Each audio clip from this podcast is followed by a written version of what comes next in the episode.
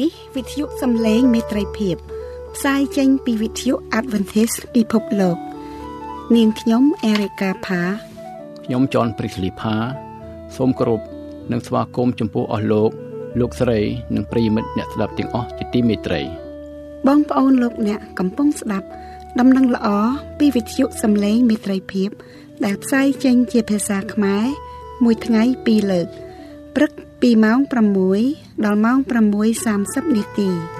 ពេលល្ងាចពីម៉ោង8ដល់ម៉ោង8:30នាទីយប់តាមរលកធាតុអាកាសខ្លី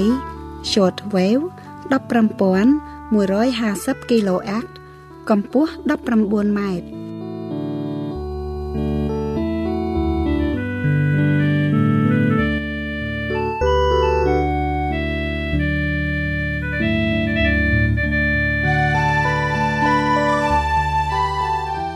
សូមគោរពស្វាគមន៍បងប្អូនលោកអ្នកក្នុងកម្មវិធីសិក្សាព្រះគម្ពីរមេរៀនសាបាស្គូលតាមវិទ្យុសំឡេងមេត្រីភាពថ្នាក់សាបាស្គូលគឺជាមគ្គុទ្ទេសក៍សម្រាប់សិក្សាព្រះគម្ពីរនៅត្រីមាសទី2ឆ្នាំ2019នេះ យើងនឹងសិក្សាពីប្រធានបទធំ អំពីរដូវកាលសម្រាប់គ្រួសារថ្ងៃនេះយើងនឹងសិក្សាមេរៀនទី10ក្នុងត្រីមាសទី2ដែលមានចំណងជើងថា ពេលមានបញ្ហាបន្តិចបន្តួច មានពរហើយអ្នកណាដែលមើលនិងស្ដាប់ព្រះបន្ទូលនៃព្រះសូមព្រះជាម្ចាស់ប្រទានព្រះពរដល់សន្តាប់នៃកម្មវិធីនេះ យើងនឹងពិភាក្សាលើសំណួរមួយចំនួនដូចតទៅនេះសូមអានទៅទំព័រថ្ងៃសុក្រសំណួរពិភាក្សា សំណួរទី1ព្រះយេស៊ូវដែលជាសម្ដេចសង្ឃនៃយើងទ្រង់មិនមែនមិនអាចនឹងអាណិតអាសូរដល់សេចក្តីកំសោយរបស់យើងរាល់គ្នានោះទេ ព្រោះទ្រង់បានត្រូវសេចក្តីល្បួងគ្រប់យ៉ាង ដូចជាយើងរាល់គ្នាដែរតែឥតធ្វើបាបឡើយ នៅគម្ពីរហេព្រើរជំពូក4ខ15ព្រះអង្គបានយាងមករកយើងហើយបានរស់នៅជាមួយយើង ដើម្បីឲ្យព្រះអង្គអាចយល់កាន់តែប្រសើរឡើង យើងក៏គួរតែធ្វើដូចគ្នា ជាមួយនឹងប្តីឬប្រពន្ធរបស់យើងដែរចូលព្យាយាមស្វែងយល់ តាមទស្សនៈរបស់ដៃគូរបស់លោកអ្នកផងតើគាត់ឬនាងមានអារម្មណ៍ដូចម្ដេចអំពីបញ្ហារបស់លោកអ្នកហេតុដូចម្ដេចបានជាគាត់ឬនាងមានអារម្មណ៍បែបនេះ កាលណាលោកអ្នកយល់ពីចំណុចនេះហើយនោះលោកអ្នកអាចនឹងដោះស្រាយបញ្ហានោះបានកាន់តែស្រួលឡើងតើក្បួនច្បាប់ដ៏សំខាន់នេះអាចជួយលោកអ្នក ឲ្យដោះស្រាយបញ្ហាដតីដតីទៀតក្នុងជីវិតរបស់លោកអ្នកបានដោយរបៀបណា សំណួរទី2ចូលពិភាក្សាសំណួរនេះក្នុងថ្នាក់ជាមួយគ្នាតើកំហឹងសុទ្ធតែជាអំពើបាបរហូតឬ ចូលពន្យល់ចម្លើយរបស់លោកអ្នក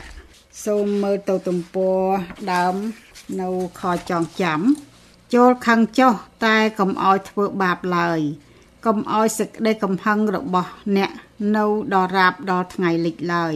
នៅគម្ពីរអេផេសូចំពុក4ខ26គ្រប់គ្រួសារទាំងអស់សុទ្ធតែមានបញ្ហា ដោយសារតែអំពើបាបធ្វើឲ្យជីវិតរបស់យើងជួបបញ្ហាជាច្រើន បញ្ហាមួយចំនួនងាយស្រួលដោះស្រាយទេ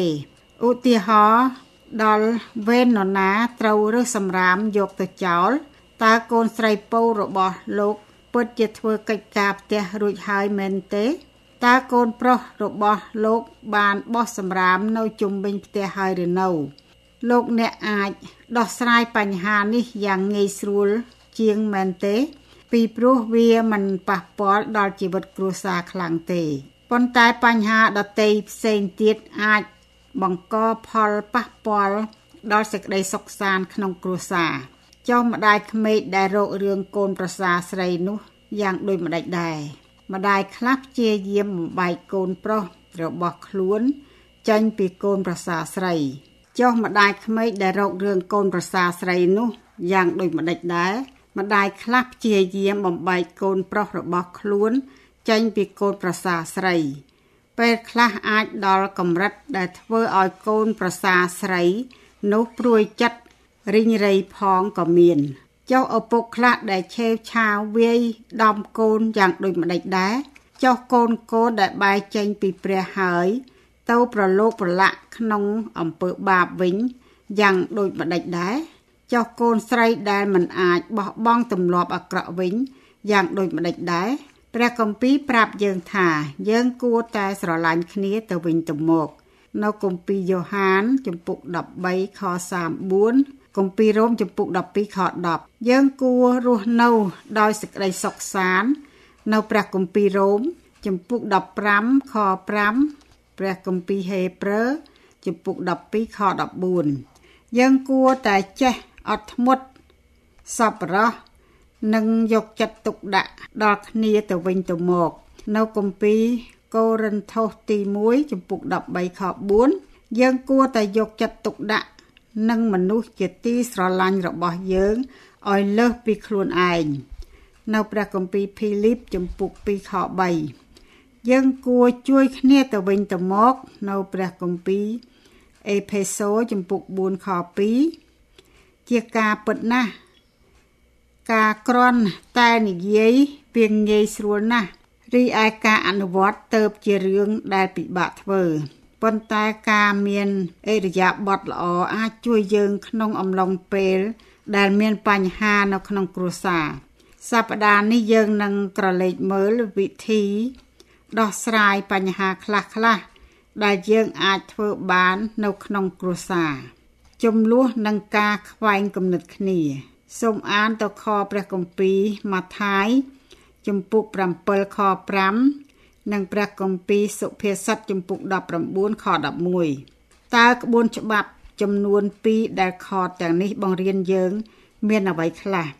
តើក្បួនច្បាប់ទាំងនេះអាចជួយយើងដូចម្ដេចខ្លះកុំឲ្យប្រកែកឬតបតនឹងអ្នកដទៃកាន់គម្ពីរសុភាសិតផ្ដល់ឲ្យយើងនៅអវាទដ៏ប្រសើរថា ការចាប់ផ្ដើមប្រកាន់គ្នា នោះប្រៀបដូចជាបើកទំនប់ទឹក ដូច្នោះចូលលើកការទាស់គ្នាចេញ មុនដែលកើតមានការចំនួនគ្នាផង នៅព្រះគម្ពីរសុភាសិតចំពុក17ខ14បន្ទាប់ពីរឿងរ៉ាវចាប់ផ្ដើមហើយ វាអាចជាការលំបាកសម្រាប់យើង ក្នុងការឈប់តតាំងគ្នា ខគម្ពីររ៉ូមចំពុក14ខ19ប្រាប់យើងថា យើងអាចធ្វើរឿងពីរដើម្បីបញ្ឈប់កុំឲ្យមានចំនួនតទៅទៀតទី1យើងអាចធ្វើអ្វីៗគ្រប់យ៉ាង ដើម្បីរស់នៅដោយសេចក្តីសុខសាន្តទី2យើងអាចព្យាយាមធ្វើតែរឿងមួយ ចំនួនប៉ុណ្ណោះដើម្បីកុំឲ្យអ្នកដទៃទៀតទាស់ចិត្តយើងគួរតែអនុវត្តតាមក្បួនច្បាប់ទាំងនេះ ក្នុងជីវិតរបស់យើង ប្រសិនបើយើង ចង់រស់នៅដោយសេចក្តីសុខសាន្តជាមួយអ្នកដទៃប៉ុន្តែវាកាន់តែសំខាន់ឡើងថែមទៀតប្រសិនបើយើងអនុវត្តក្បួនច្បាប់ទាំងនេះ ក្នុងគ្រួសាររបស់យើងតើលោកអ្នកអាចធ្វើអ្វីផ្សេងទៀតដើម្បីបញ្ឈប់កុំឲ្យមានចំនួនសូមសួរសំណួរនេះដល់ខ្លួនឯងថាតើខ្ញុំខុសអ្វី ប្រសិនបើលោកអ្នកខុសមែន សូមទទួលស្គាល់ថាខុសចុះការស្មោះត្រង់ជួយបន្ទន់ចិត្តរបស់មនុស្សដែលកំពុងខឹងនឹងលោកអ្នក សូមថយមួយជំហានចេញពីការប្រកែកគ្នា ហើយសួរខ្លួនឯងថាតើចំនួននេះផ្ដល់ប្រយោជន៍អ្វី ដល់ខ្ញុំខ្លះកាន់គម្ពីរសុភាសិតក៏បានចែងផងដែរថា មនុស្សមានសុភវិនិច្ឆ័យរមែងចេះទប់កំហឹង គេរក្សាកិត្តិយសដោយមិនតបតនឹងអ្នកដែលធ្វើខុសចំពោះខ្លួនឡើយ នៅសុភាសិតចំពុក19ខ11ចូលសាកល្បងអនុវត្តវិធីរបៀបនេះក្នុងជីវិតរបស់លោកអ្នក ក្នុងរវាង3ថ្ងៃលោមើ ដើម្បីឲ្យកាន់តែប្រសើរថែមទៀតសូមសួរខ្លួនឯងថាចុះប្រសិនបើខ្ញុំអនុវត្តឲ្យបាន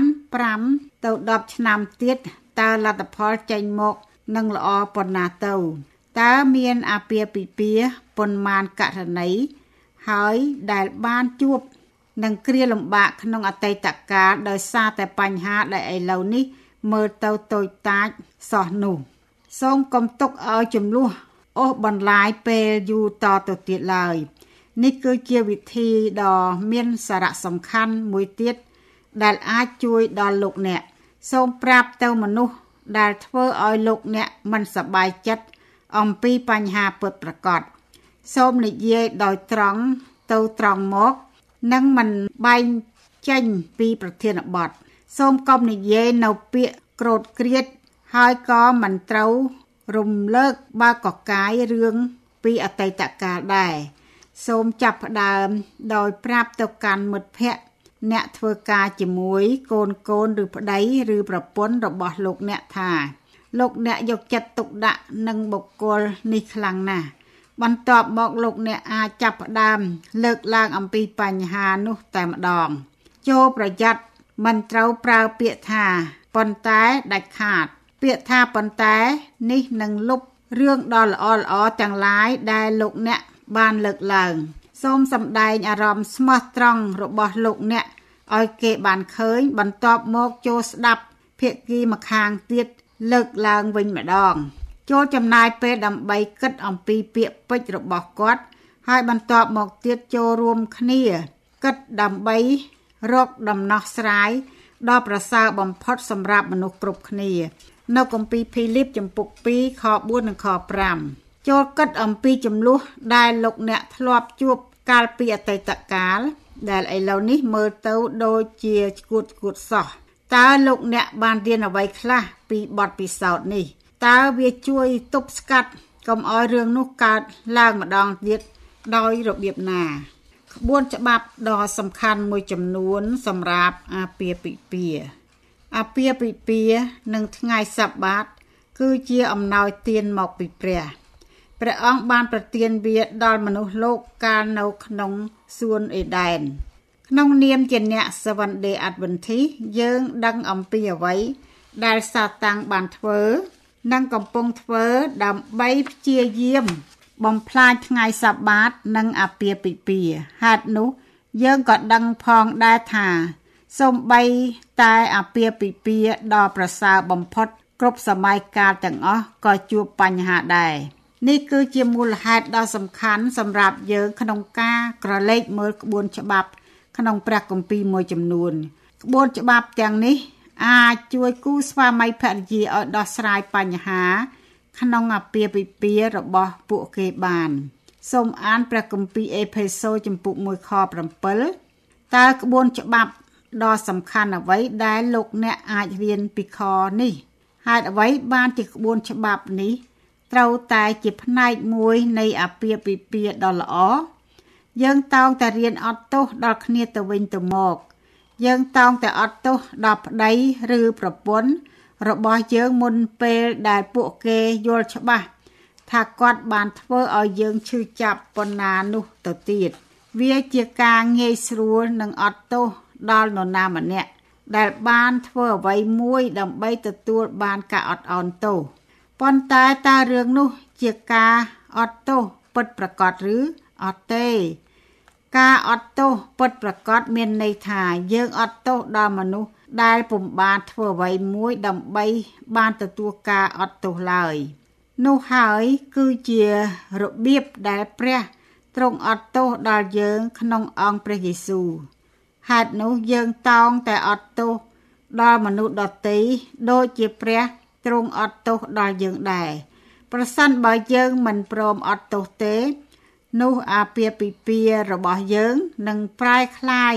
ជាសុបិនអាក្រក់ដែលយើងធ្លាប់ជួបរៀងរាល់រាត្រីនោះមិនខានសូមអានគម្ពីររ៉ូមជំពូក3ខ23តើខនេះបង្រៀនក្បួនច្បាប់ដ៏សំខាន់អ្វីដល់យើងសូមអានព្រះគម្ពីរភីលីបជំពូក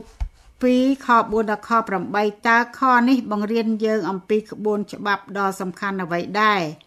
តើក្បួនច្បាប់នេះអាចជួយយើងឲ្យដោះស្រាយបញ្ហា អាពាហ៍ពិពាហ៍យ៉ាងដូចម្តេចខ្លះតើវាអាចជួយយើងឲ្យមានទំនាក់ទំនងនិងមិត្តភាពដ៏ល្អជាមួយនឹងមនុស្សដទៃទៀតដោយរបៀបណាដែរកំហឹងនឹងការឆ្លោះប្រកែកគ្នា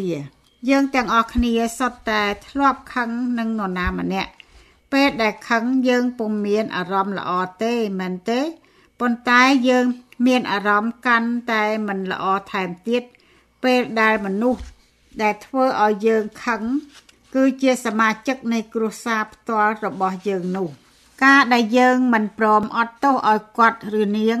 ធ្វើឲ្យយើងមានអារម្មណ៍មិនល្អ ពេលដែលយើងខឹងវាអាចធ្វើឲ្យយើង មានអារម្មណ៍ហាក់ដូចជាកំពុងតែផឹកថ្នាំពុលដែរកំហឹងក៏អាចបង្កឲ្យមានការឈឺចាប់និងទុក្ខវេទនានៅក្នុងផ្ទះរបស់យើងនិងក្រុមគ្រួសាររបស់យើងផងដែរសូមអានគម្ពីរអេផេសូចំពុក4ខ26ដល់ខ27និងសាស្តាចំពុក7ខ9 ខទាំងនេះបង្រៀនយើងថា កំហឹងគឺជាអារម្មណ៍ពុះកញ្ជ្រោលមួយបែប ទន្ទឹមគ្នានោះដែរកំហឹងក៏អាចប្រែក្លាយជាអំពើបាបបានដែរហេតុនោះតើពេលណាដែលកំហឹងប្រែក្លាយជាអំពើបាប ហើយពេលណាដែលកំហឹងមិនមានជាអំពើបាបតើទាំងពីរយ៉ាងនេះខុសគ្នាយ៉ាងដូចម្ដេចខ្លះ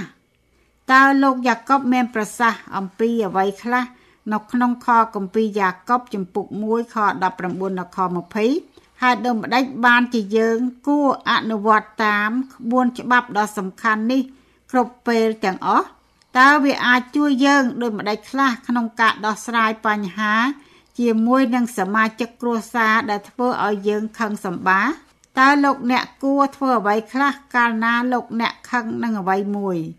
សូមកុំបណ្ដោយឲ្យកំហឹងរបស់លោកអ្នក ទុះចេញដូចជាដុំពពកខ្មៅលើជីវិតរបស់លោកអ្នកឲ្យសោះ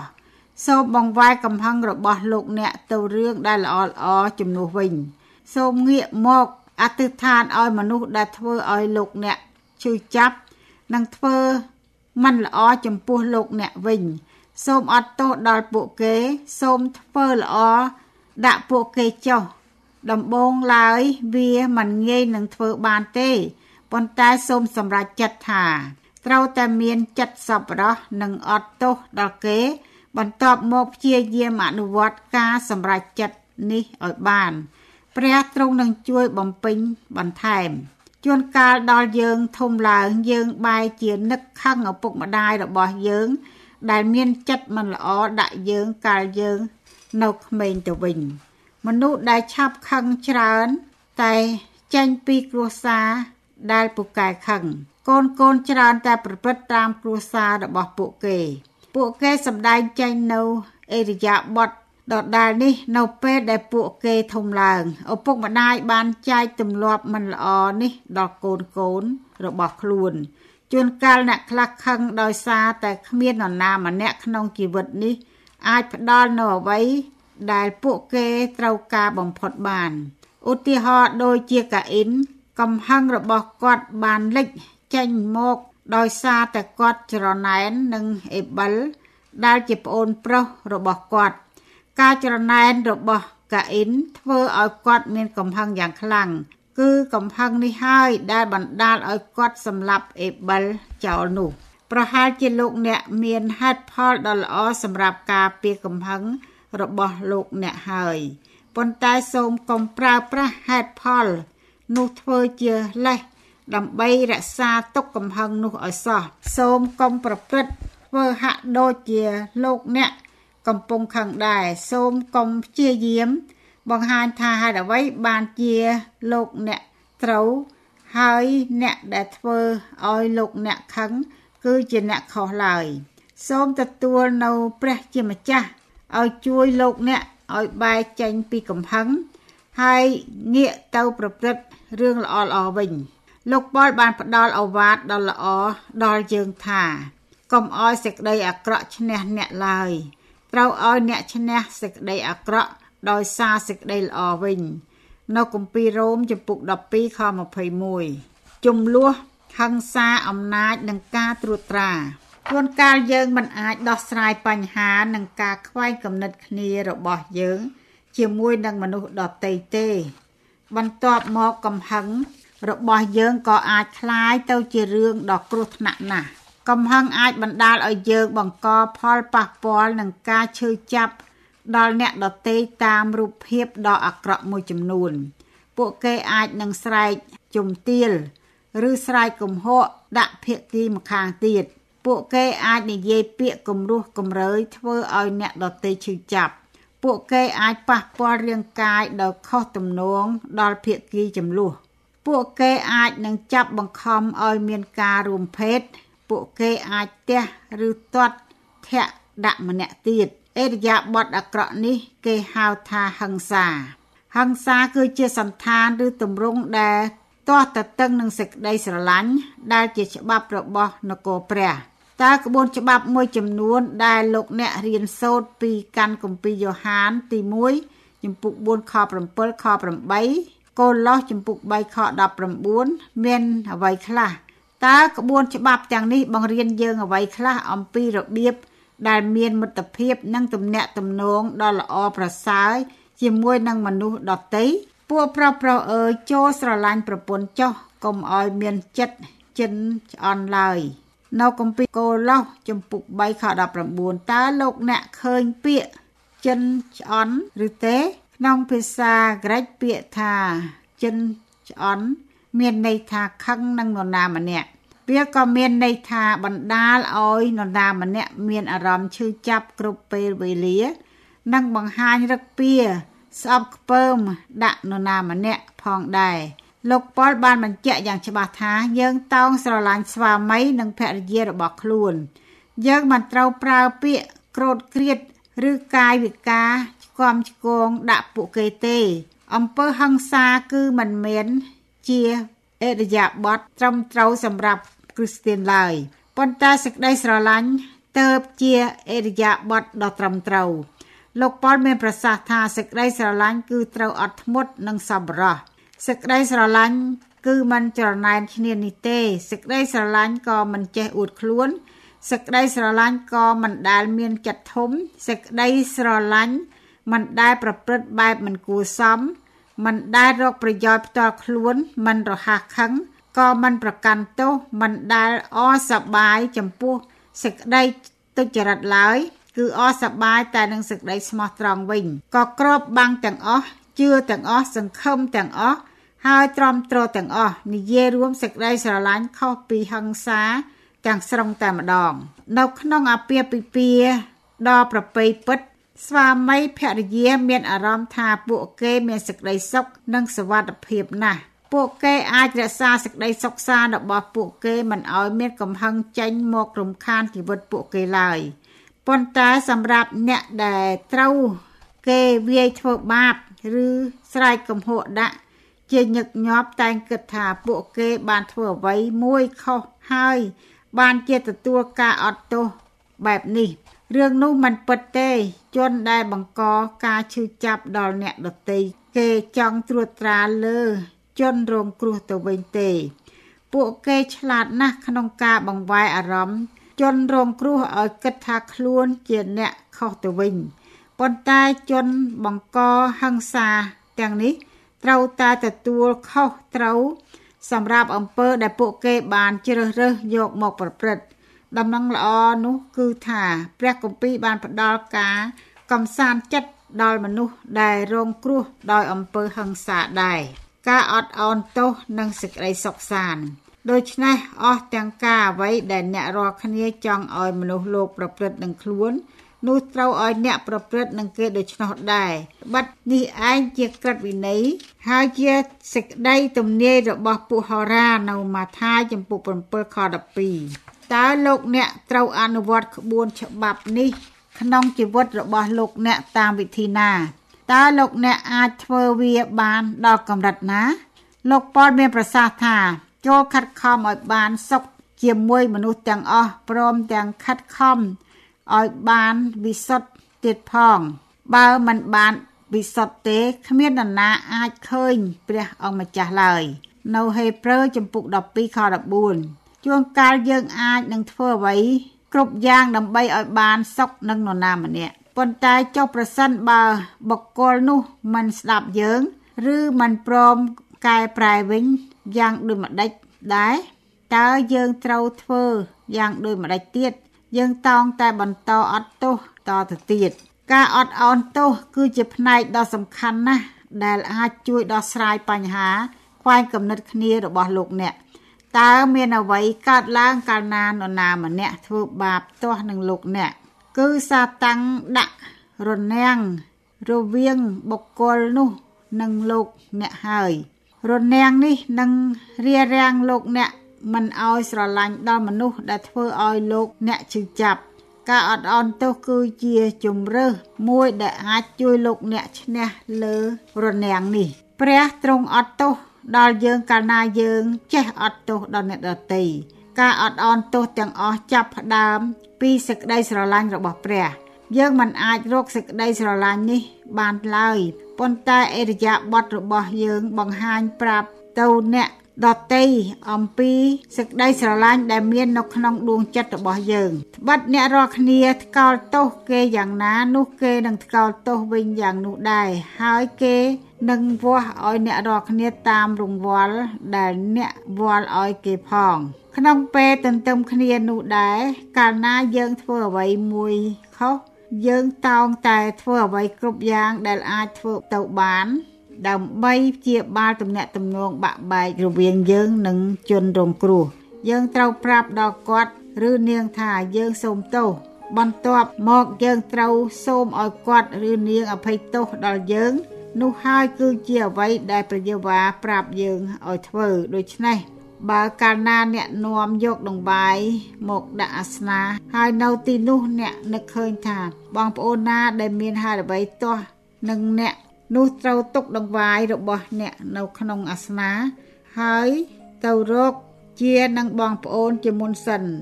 រួចសំមកថ្វាយដង្វាយអ្នកចុះនៅមាថាយចំពុក5ខ23ខ24វាជាការប្រពៃណាស់កាលណាមនុស្សដែលធ្វើឲ្យលោកអ្នកឈឺចាប់និយាយមកកាន់លោកអ្នកថាខ្ញុំសូមទោសហើយសូមការអត់ទោសពីយើង វាក៏ជាការប្រពៃដែរ កាលណាយើងធ្វើរឿងដូចគ្នានេះ ដល់មនុស្សដទៃទៀតចូលនឹកគិតអំពីកំហុសទាំងអស់ដែលលោកអ្នកត្រូវការឲ្យព្រះនិងមនុស្សដែលលោកអ្នកស្គាល់ព្រមអត់ទោសដល់លោកអ្នកតើការនេះជួយឲ្យលោកអ្នកអត់ទោសដល់អ្នកដតីយ៉ាងដូចម្ដេចខ្លះសូមព្រះជាម្ចាស់ប្រទានប្រពរដល់បងប្អូនលោកអ្នកជាបរិបូរនេតិយើងនឹងវិលមកជួបបងប្អូនលោកអ្នកនៅសប្តាហ៍ក្រោយទៀត សូមព្រះជាម្ចាស់ប្រទានប្រពរដល់បងប្អូនលោកអ្នកជាបរិបូរអាមែន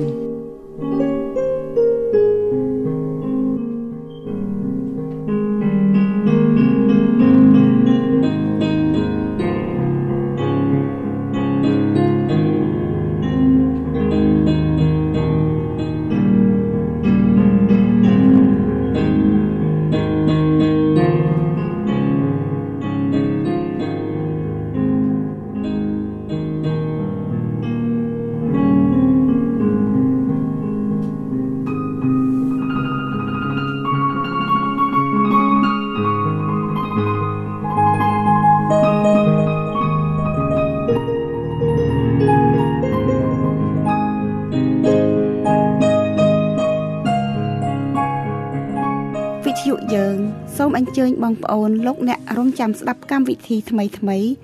និងដំណឹងល្អនៃសេចក្តីសង្គ្រោះពីព្រះយេស៊ូវគ្រីស្ទជាព្រះអង្គសង្គ្រោះ ដែលទ្រង់នឹងយាងមកវិទ្យុយើង សូមថ្លែងអំណរគុណដល់បងប្អូនលោកអ្នក ដែលបានយកចិត្តទុកដាក់ស្ដាប់កម្មវិធីយើងខ្ញុំនៅថ្ងៃនេះសូមព្រះជាម្ចាស់ប្រទានព្រះពរជាបរិបូរណ៍